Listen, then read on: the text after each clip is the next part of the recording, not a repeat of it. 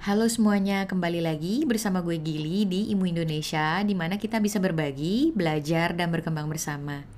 Di episode kali ini, gue kedatangan tamu spesial, yaitu seorang peneliti budaya yang bernama Rizky Caniago. Nah, di kesempatan kali ini, kita banyak banget ngebahas hal yang berhubungan dengan musik dangdut, serta citra wanita di dunia musik dangdut. Nah, buat teman-teman yang penasaran, yuk langsung aja. Satu. Selamat malam, Kak Rizky. Selamat malam, Mbak Gili. Oke, apa kabar nih Kak? Ya baik, ya sekarang cuaca lagi dingin-dinginnya ya. Nah ini Ah. makanya kena saya pakai jaket kedinginan. lagi musim hujan soalnya. Lagi musim Kak, hujan. thank you banget udah bersedia jadi narsum di IMU malam-malam gini. Sama-sama Mbak Gili. Hmm, kalau boleh apa perkenalan dikit nih sama teman-teman IMU di sini, Kak Rizky nih gimana dan apa ngapain aja gitu. Oh ya, eh, sekarang saat ini saya dosen di salah satu universitas eh, swasta di Jakarta. Eh, saya mengajar ilmu komunikasi. eh, untuk semester ini saya mengajar etika, filsafat dan komunikasi. Ya, Eh, majornya eh, kalau misalkan kita bilang major, saya uh, major itu cultural studies and communication ya. Perpaduan antara ilmu komunikasi dengan ilmu budaya. Karena kalau kita bicara ilmu komunikasi bidang-bidang komunikasi itu ada banyak ya di program komunikasi. Uh, ada advertising ada uh, strategi pemasaran ada mar- marketing communication ada juga uh, broadcasting di dalamnya juga ada uh, banyak ada radio ada pertelevisian seperti itu. Nah uh, ada satu mata pelajaran yaitu studi media budaya dan kepakaran saya khusus di hmm, studi media budaya ya uh, berhubungan dengan seperti intercultural communication atau komunikasi antara budaya. Uh, Nice. Media studies dan budaya, uh, apa saja ilmu komunikasi yang berkaitan dengan budaya. Nice. Ini jadi yang bikin Kak Rizky tertarik sama studi kultur dan budaya tuh apa sih sebenarnya? Oke, uh, kita tarik ke belakang ya. Kita tarik ke belakang. Uh, awal mula kenapa saya menyukai studi kultur dan budaya ya. Um, di zaman saya tumbuh di zaman 90-an ya, di mana tahun 90-an itu uh, Indonesia itu tengah uh, berkembang-kembangnya ya uh, di era yang masih di era Soeharto atau orde yang disebut dengan Orde Baru ya. Saya ingat kalau saya SMP itu di tahun 94 uh, budaya populer berkembang di Indonesia. Uh, perke- uh, perkembangan seperti mall-mall, uh, perkembangan perfilman, musik, ya, dan ada satu fenomena yang cukup besar pada saat itu yang disebut sosoknya ini adalah MTV, uh, Music Television, ya. Hmm. Nah, music television ini masuk ke stasiun televisi swasta di Indonesia pada saat itu dan mereka ini di stasiun TV ini diputarlah uh, video-video, video-video klip ya, video-video klip musik dari pukul 12 siang hingga pukul 6 sore, terus menerus ya, hampir setiap hari. Jadi kegiatan saya kalau pulang sekolah itu selalu di depan TV, saya lihat uh, TV ya, Uh, saya terus ya uh, lihat perkembangan video klip video klip itu akhirnya secara tidak langsung saya tertariklah dengan uh, apa budaya populer ya. Nah budaya populernya ini through music ya. Uh, setiap hari disuguhin oleh Nirvana, uh, Oasis, Blur, Smashing Pumpkins, yang popnya ada Take That, ada Backstreet Boys, seperti. Jadi setiap hari pulang sekolah yang saya tonton itu terus ya. E, ritual saya seperti itu. Dan ini dialami oleh kebanyakan anak-anak muda yang tumbuh di era 90-an. Nah, saya termasuk di salah satu di antaranya ya.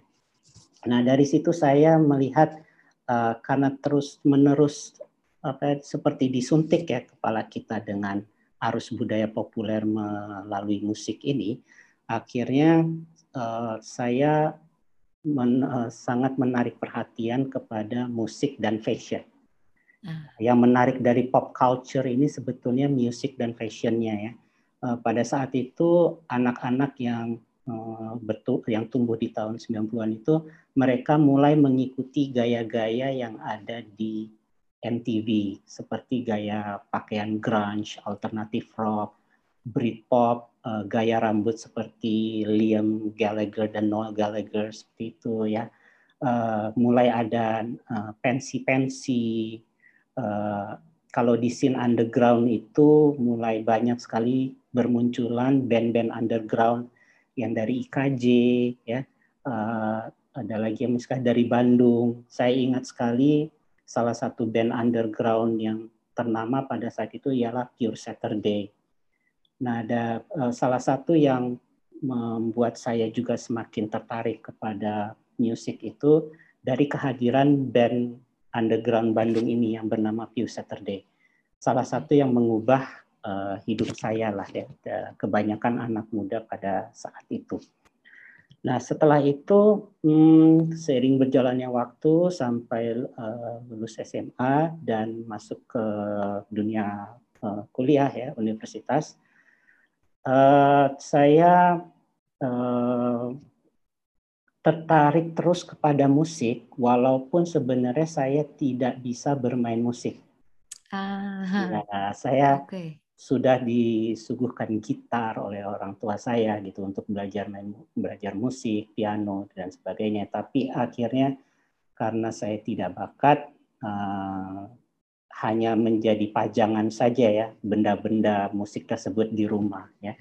Nah, uh, pelampiasan saya akhirnya ketika saya masuk ke jenjang kuliah uh, semua bentuk assignment semua bentuk tugasan-tugasan kuliah itu saya kaitkan ke musik. Nah, nah saya boleh waktu... bertanya nggak kak? Ah, boleh. Nggak? Ya. Nah, ini kan si Kak Rizky sendiri kan ngambilnya sendiri studi kultur dan budaya dan tapi senang banget mengkaji apa ya uh, musik dan budaya juga ya. Iya. Pernah kepikiran buat ngambil jurusan etnomusikolog gak? Iya, uh, etnomusikologi salah satu buku wajib yang harus saya pegang uh, kalau kalau kita mempelajari kultur dan musik ya.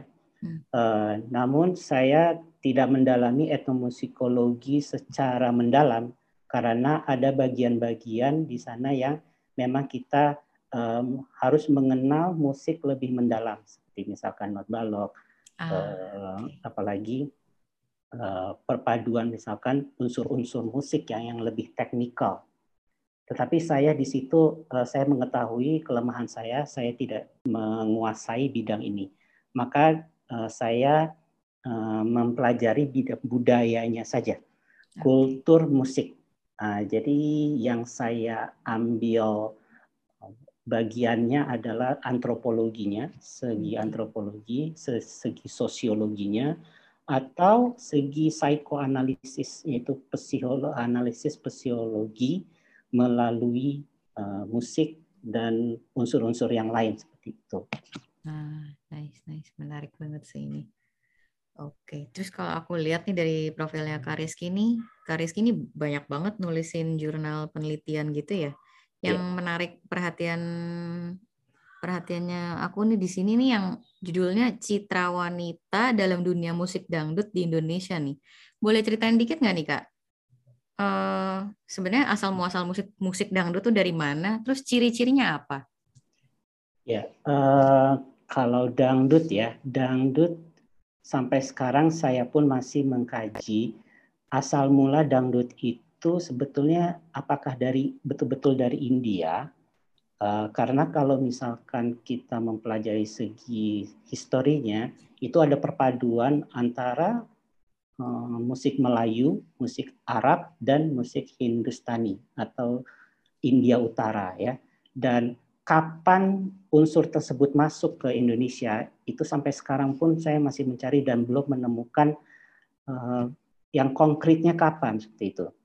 Tetapi yang saya yang saya uh, pelajari uh, dari literatur tahun 60 itu sudah berkembang ya di Indonesia menjadi uh, seni orkes Melayu. Jadi nama dangdut itu berubah menjadi seni orkes Melayu.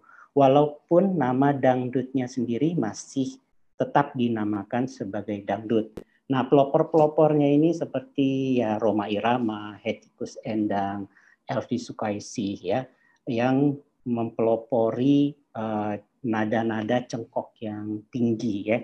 Nah, di sinilah baru mulai uh, berkembangnya dangdut hingga sekarang ini yang dari uh, dekade 60-an, 70-an, 80-an sampai era milenial sekarang ini sampai era 2000 ini itu masing-masing dekade fasenya mempunyai ciri khas masing-masing. Ya, uh, ada perubahan-perubahan. Tetapi benang merahnya uh, masih tetap yaitu nada yang tinggi. Ya, uh, atau yang biasa kita dengar adalah cengkok ya. Nah, itu adalah salah satu uh, keutamaan dari dangdut ya. Cengkoknya harus tinggi dan mendayu-dayu lah seperti itu. Nah, nah dengan judul yang kakak tulis nih di jurnal penelitian ini nih, yang menarik pen, apa menarik perhatian saya adalah, hmm, ini pengetahuan saya sendiri masih ada pihak-pihak yang terkesan menganggap kalau wanita menjadi musisi dangdut itu inferior gitu loh. Kira-kira kenapa nih bisa kejadian seperti ini, Kak? Iya, uh, ini ada kaitannya sebetulnya dengan uh, banyak unsur ya, kalau misalkan kita analisis ya. Uh, boleh dikatakan fenomena yang perempuan menjadi inferior ini itu dimulai dari fenomenanya uh, Mbak Inul Daratista. Ah, ya, okay. di sini titik awalnya mengapa perempuan itu uh, dalam tanda kutip ya banyak mengalami uh, pelecehan seksual ya, uh, mengalami diskriminasi uh, diskriminasi ya. Uh, seperti perempuan-perempuan dimarginalkan di dalam dunia musik dangdut ya. Uh, jadi setelah fenomena Inul Daratista, Inul Daratista ini kan ada lagi fenomena yang lain ya. Oke, dimulai dari fenomenanya Mbak Inul Daratista dengan goyang ngebornya. Wah, happening sekali, viral sekali lah kalau ya. bahasa sekarang ya. Setelah itu ada uh, goyang gergaji oleh uh, Mbak Dewi Persik. Setelah itu ada lagi uh, Sastia Gotik dengan goyang itiknya ya. Nah, uh, di sini ada elemen-elemen yang membuat uh, sebetulnya ini fenomena, tapi ada ada unsur simbiosis mutualismenya. Nah, di sini yang saya akan ceritakan. Yang pertama itu fenomena ini berkaitan dengan uh, kemajuan teknologi juga, ya. Dulu ada kemunculan handycam dan ada beralih ke cakram padat yaitu VCD atau DVD, ya uh, dulu itu uh, mungkin era-eranya tahun 60-an 70-an ketika kita ingin menonton musik dangdut kita hanya datang ke konsernya baru kita bisa melihat. Nah, kalau uh, setelah era uh, Inul Daratista ada yang namanya VCD dan VCD ini direkam dan akhirnya menyebar luas ke seluruh Indonesia ya. Nah, di sinilah uh, si goyang ngebor itu akhirnya menjadi viral ya Nah, uh, yang kedua adalah eksploitasi tubuh. Ya, hmm. di sini ada uh, perubahan antara uh, yang dulu mengedepankan nyanyi, ya, teknik vokal, dan akhirnya berubah kepada fenomena goyang, hmm. ya, yang di sini hanya mengedepankan goyangan tubuh, ya, meliukan badan, uh, bokong ya, mohon maaf ya. Uh, seperti itu bergoyang-goyang uh, mengeksploitasi tubuhnya ya. Nah, setelah ini ada juga peranan media massa di dalamnya. Jadi mengapa uh, ini semua saya kaitkan nanti ya ke faktor kenapa terjadinya pelecehan seksual dan inferior di uh, kalangan wanita ya, uh, khususnya biduan atau penyanyi wanita di musik dangdut. Nah, peranan media massa di sini juga sebetulnya uh, menjadi bagian penting dari uh, apa kemunculan si goyang-goyang uh, tersebut ya.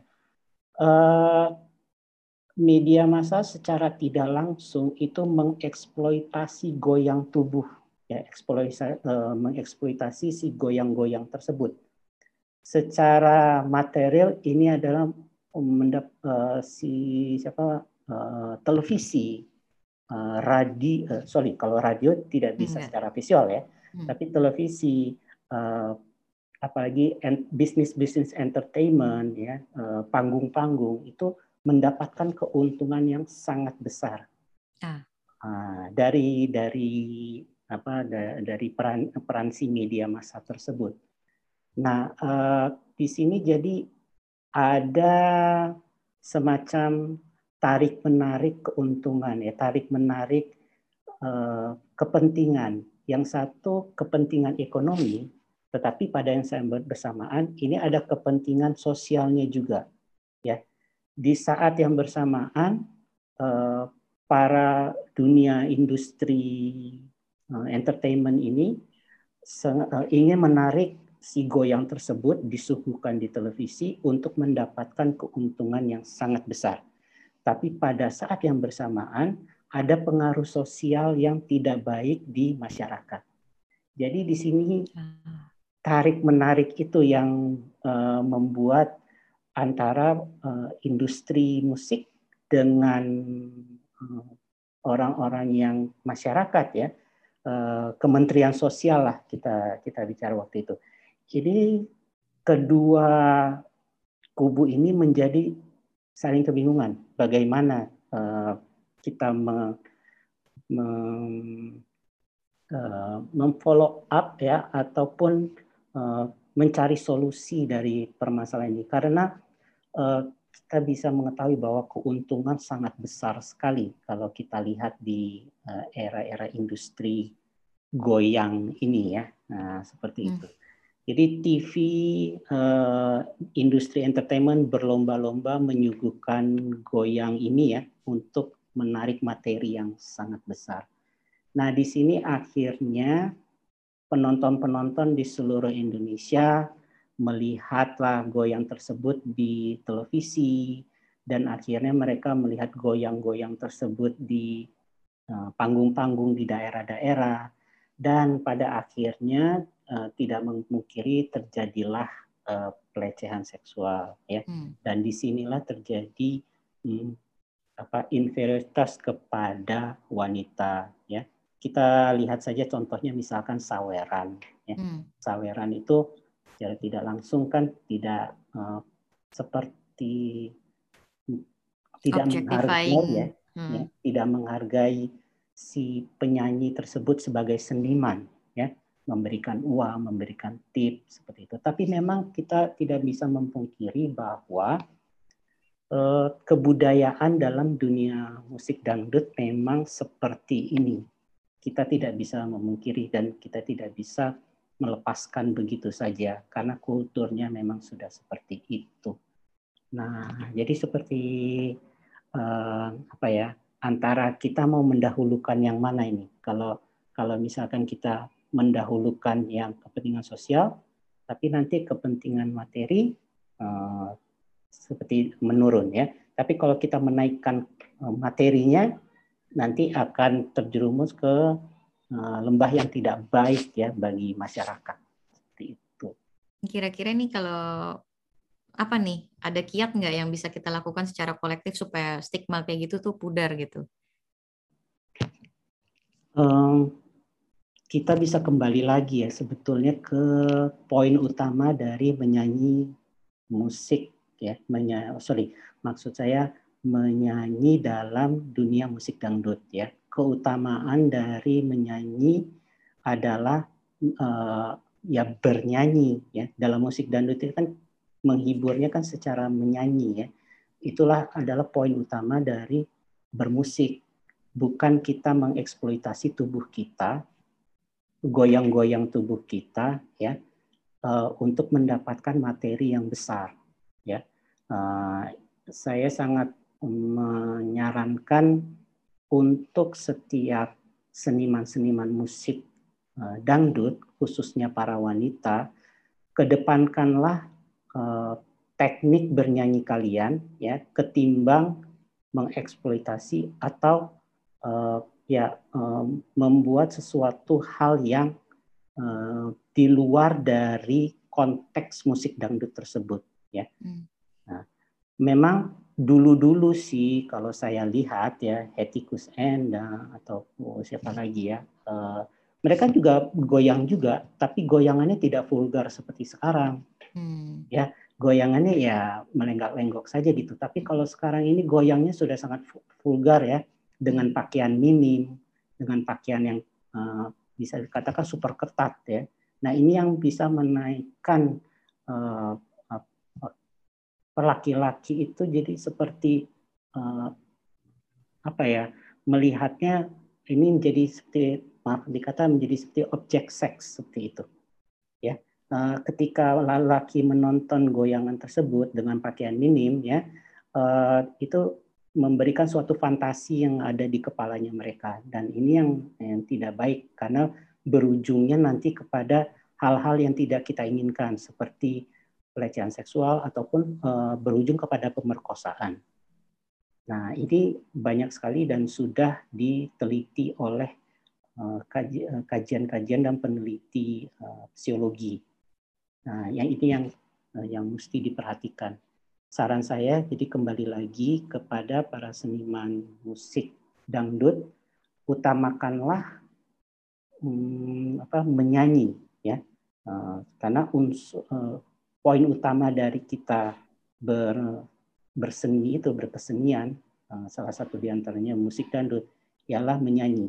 Jadi kual, uh, tinggikanlah kualitas bernyanyi ketimbang uh, mengeksploitasi tubuh dengan uh, dengan goyang-goyangan yang baru ya seperti itu.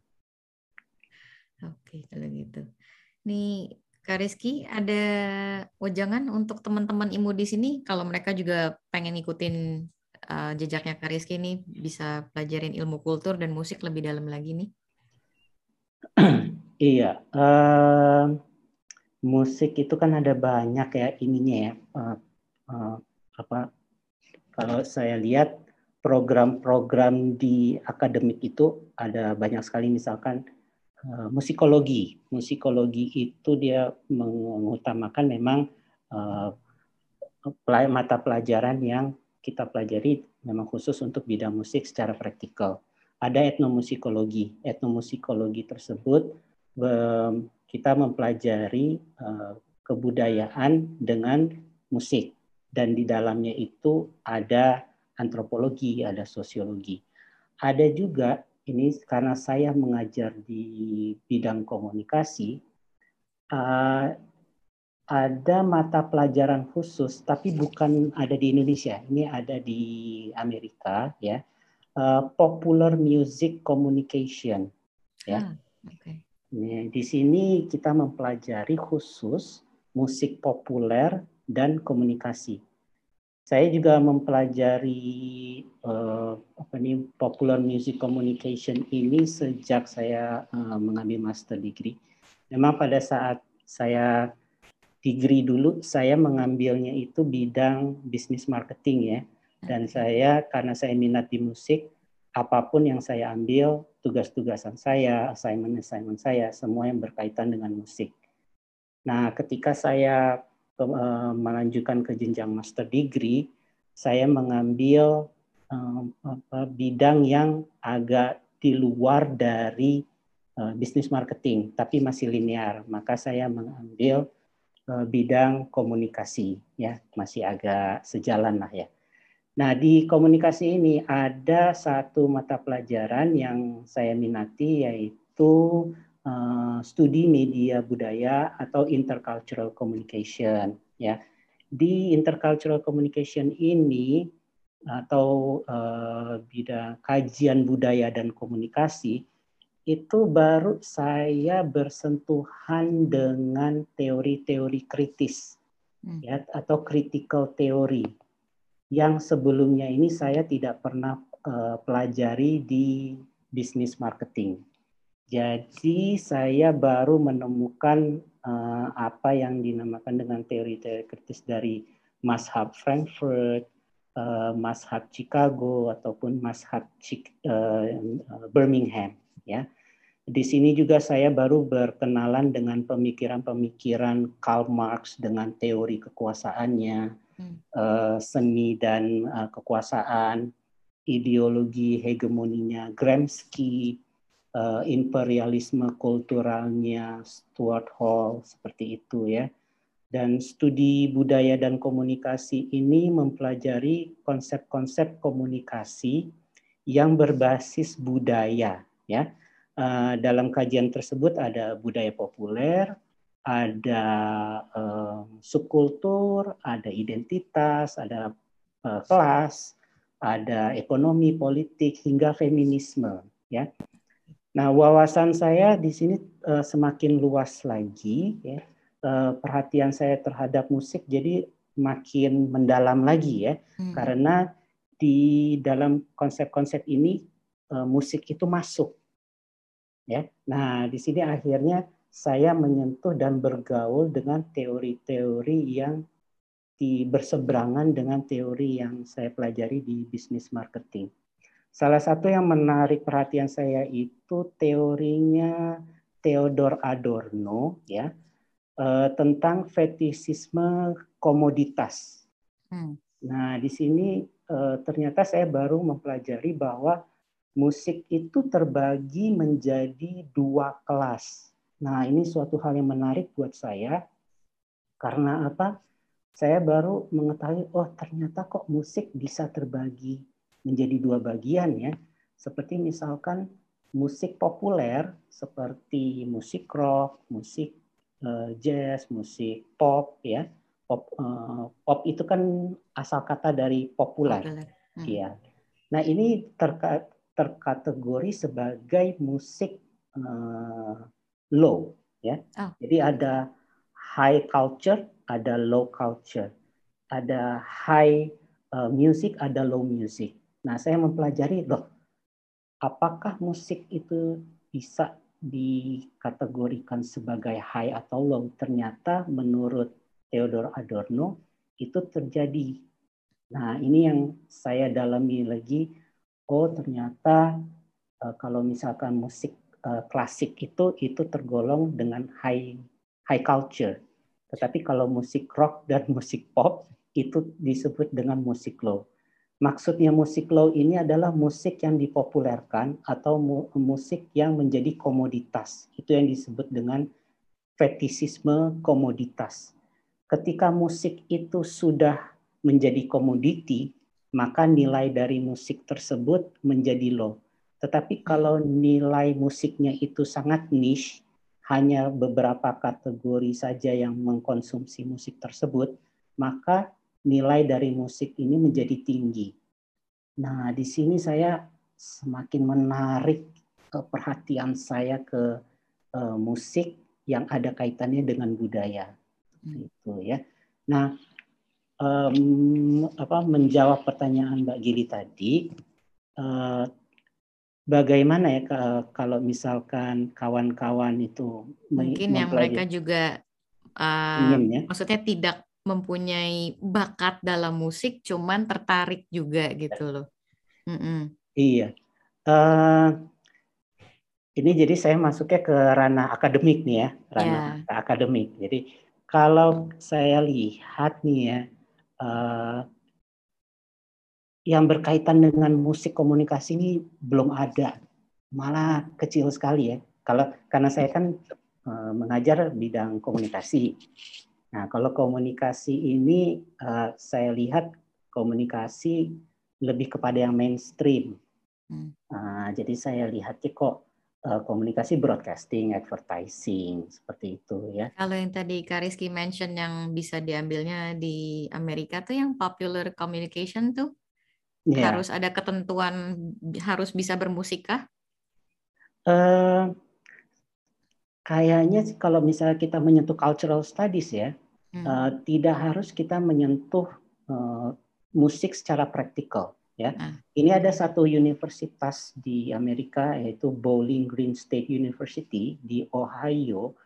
Uh, universitas ini dia khusus untuk uh, bidang-bidang cultural studies ya. Nah, nah, di dalamnya itu ada departemen budaya populer. Nah, di dalam departemen budaya populer ini kan ada mata-mata kuliah ya. Nah, di dalam mata kuliah itu ada mata kuliah khusus yaitu Popular Culture and Communication. Hmm. Nah, ini yang saya lihat di universitas di Indonesia ini belum ada mata kuliah khusus di komunikasi yang mempelajari tentang popular music and communication atau kalau kita terjemahkan budaya populer dan komunikasi jadi saya lihat uh, kalau misalkan anak-anak yang ingin mempelajari budaya populer, tapi tidak ada uh, kaitannya dengan komunikasi. Jadi akhirnya anak-anak ini masuknya ke mungkin ke Fakultas Ilmu Budaya, Fakultas uh, Fisip mungkin ya, uh, hmm. Ilmu Politik dan uh, Komunikasi. Nah, di dalamnya itu saya tidak tidak apa lihat ya ada ada mata pelajaran khusus popular music and communication. Uh, saya uh, gimana ya?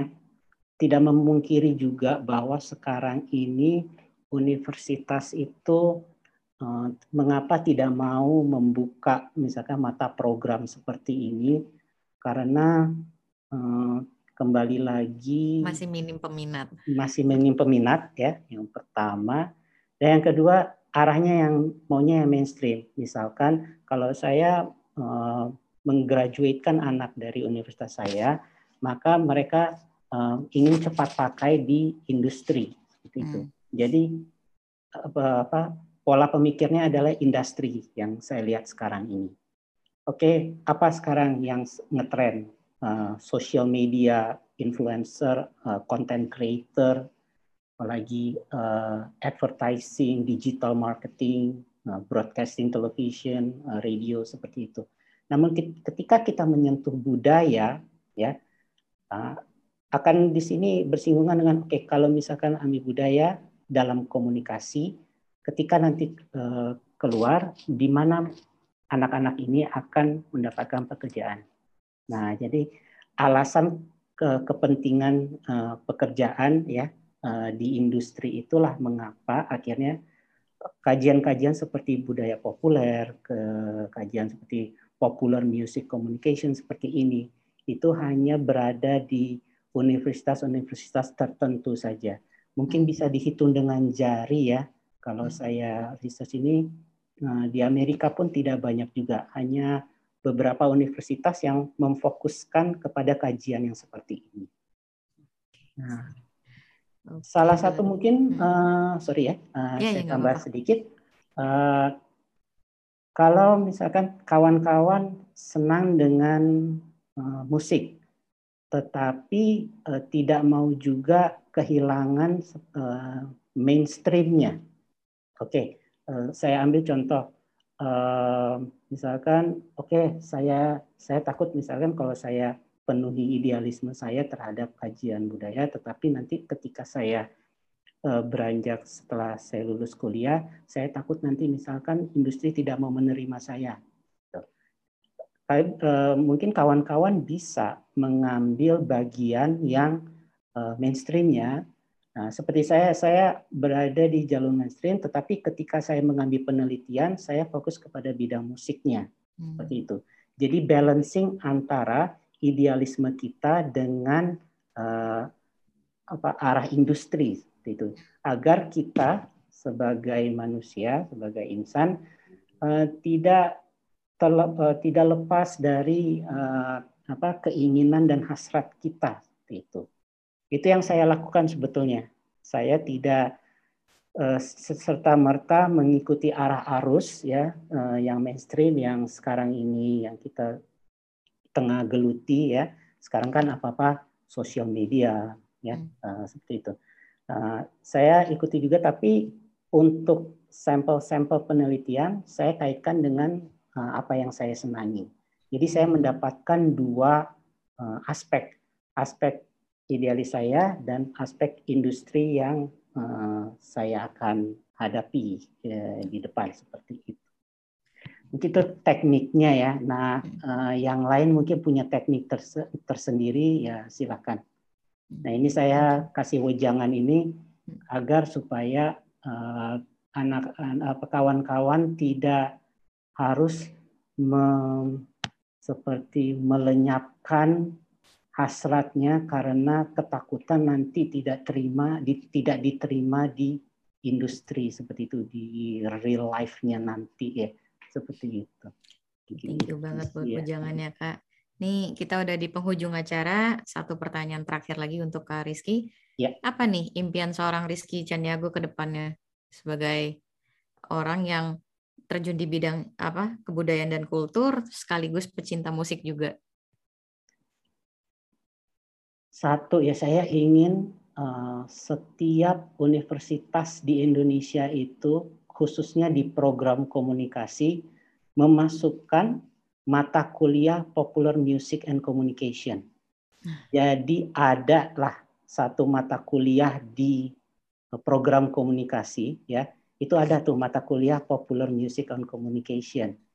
Nah, jadi di sini anak-anak uh, yang menyenangi dunia musik pada saat yang bersamaan ingin mempelajari ilmu komunikasi, mereka bisa mendapatkan kedua ilmu tersebut, ilmu musik dan ilmu komunikasi.